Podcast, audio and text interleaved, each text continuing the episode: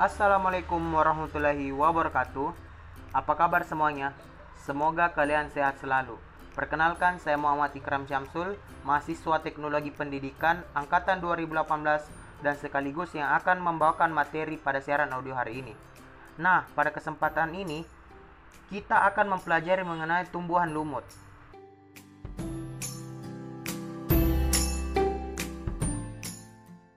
Adapun tujuan pembelajaran kita hari ini yaitu siswa diharapkan dapat mengetahui apa yang dimaksud dengan tumbuhan lumut, ciri-ciri tumbuhan lumut dan apa saja manfaat tumbuhan lumut.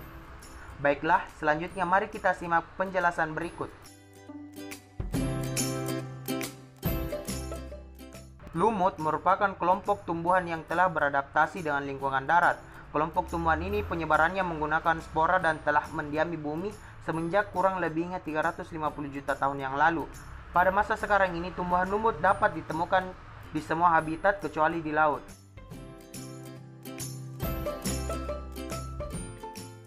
Ada juga ciri-ciri tumbuhan lumut yaitu yang pertama dapat berfotosintesis merupakan tumbuhan yang ekoritik dan multiseluler.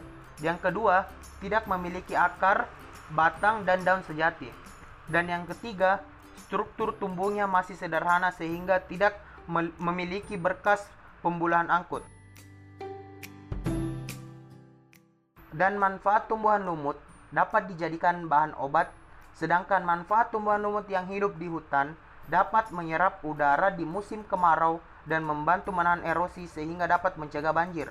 Selain manfaat tadi, tumbuhan lumut juga dapat dijadikan indikator biologi untuk melihat kerusakan lingkungan di sekitarnya.